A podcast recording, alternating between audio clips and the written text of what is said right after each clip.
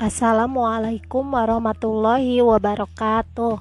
Hai teman-teman semuanya Bertemu lagi dengan saya Dewi Aulia Ajahra PKN 2019A Dengan NIM 1902773 Nah pada kesempatan kali ini Saya akan memberikan komentar dan pendapat untuk kelompok 13 Yaitu Saudari Aisyah dan Saudara Nandang Nah, untuk yang pertama, saya akan memberikan komentar terhadap penyampaian materi yang disampaikan oleh Aisyah dan juga Nandang.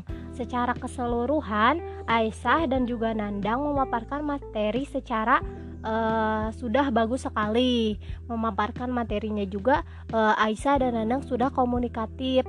Terus bahasa yang digunakan juga sudah bagus dan tidak terlalu kaku dan tidak uh, terlalu uh, apa sesuai uh, menyesuaikan dengan makalah gitu.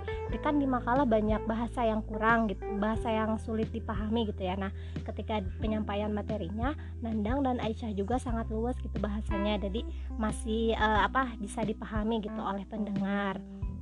Nah, untuk yang selanjutnya, saya akan memberikan komentar terhadap materi yang disampaikan.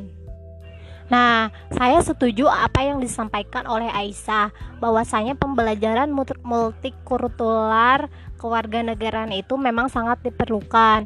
Kenapa? Karena agar membantu siswa agar dapat hidup dan menyesuaikan diri di dalam lingkungan yang mempunyai uh, kultur yang banyak seperti kayak contohnya di Indonesia kan kita memiliki banyak ras, banyak bahasa, banyak agama gitu.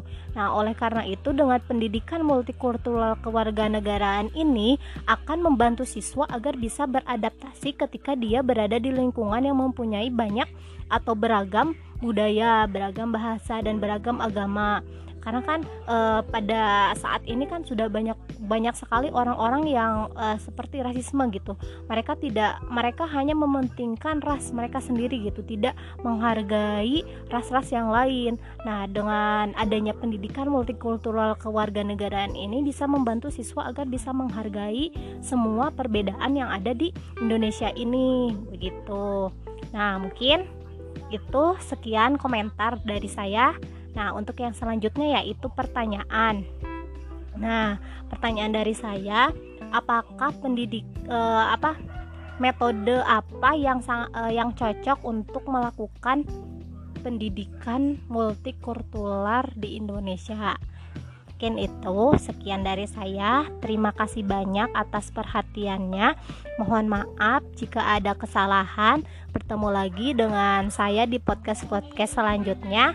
Terima kasih. Wassalamualaikum warahmatullahi wabarakatuh